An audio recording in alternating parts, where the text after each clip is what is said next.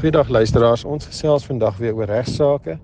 en in vandag se program gesels ek oor trust. En die vraag wat ek daaroor ontvang het,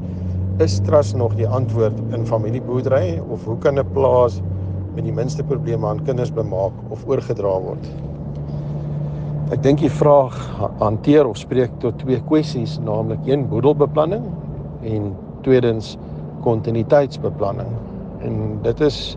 iets wat waar trust in twee verskillende maniere gebruik kan word, naamlik waar 'n trust geskep word in 'n testament en bates in trust nagelaat word vir erfgename of waar 'n trust in die lewe gebruik word om bepaalde bates oor te dra na die trust toe sodat indien 'n persoon te sterwe sou kom, daai bates nie deel sal vorm van die bestorwe boedel nie. Die hoofrede waarom 'n mens sou verhoed dat bates in 'n bestorwe boedel beland, is dood eenvoudig die feit dat daar boedelbelasting betaalbaar is indien jou boedel bo sekere perke in waarde sou wees en 'n trust is 'n baie handige meganisme om dit te voorkom. Die tweede deel is om 'n trust te gebruik om die bestuur van bates, veral bates wat wat jy van voornemens om lank te hou en wat toeneem in waarde dit behoorlik te beskerm en te verskans teen bedryfsrisiko's waar in 'n besonder bedryfsrisiko's waar jy 'n besigheid bedryf waar byvoorbeeld in die geval van landbou jy blootgestel is aan seisoenuiterstes en alle ander risiko's wat gekoppel is aan die landboubedryf. Trust is egter ook 'n gevaarlike entiteit om te gebruik vir bedryfsdoeleindes. Ehm um, dood eenvoudig omdat die inkomstebelasting wat deur 'n trust betaalbaar is baie hoog is en ook kapitaalwinsbelasting.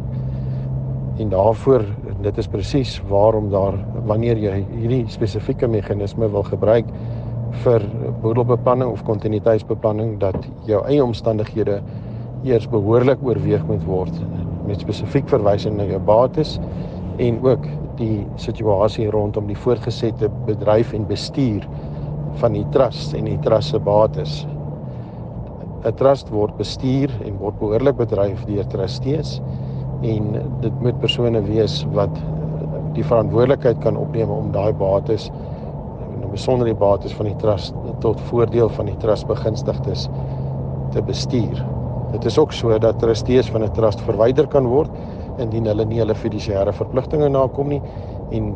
dit is dit waarskynlik die kern of die belangrikste aspek van die gebruik van 'n trust vir boerderydoeleindes en dit is dat jy persone aanstel wat die trust na behoore kan bestuur. Ten opsigte van trust is dit ook belangrik om te onthou dat 'n trust los staan van jou boedel vir doeleindes van skuld en in daardie geval beteken dit dat indien jy uh, byvoorbeeld nou, ek weet baie boere word so boerdery word so bedryf sy boerderybedryf in 'n maatskappy en die trust die bates sou besit en die maatskappy in finansiële moeilikheid sou beland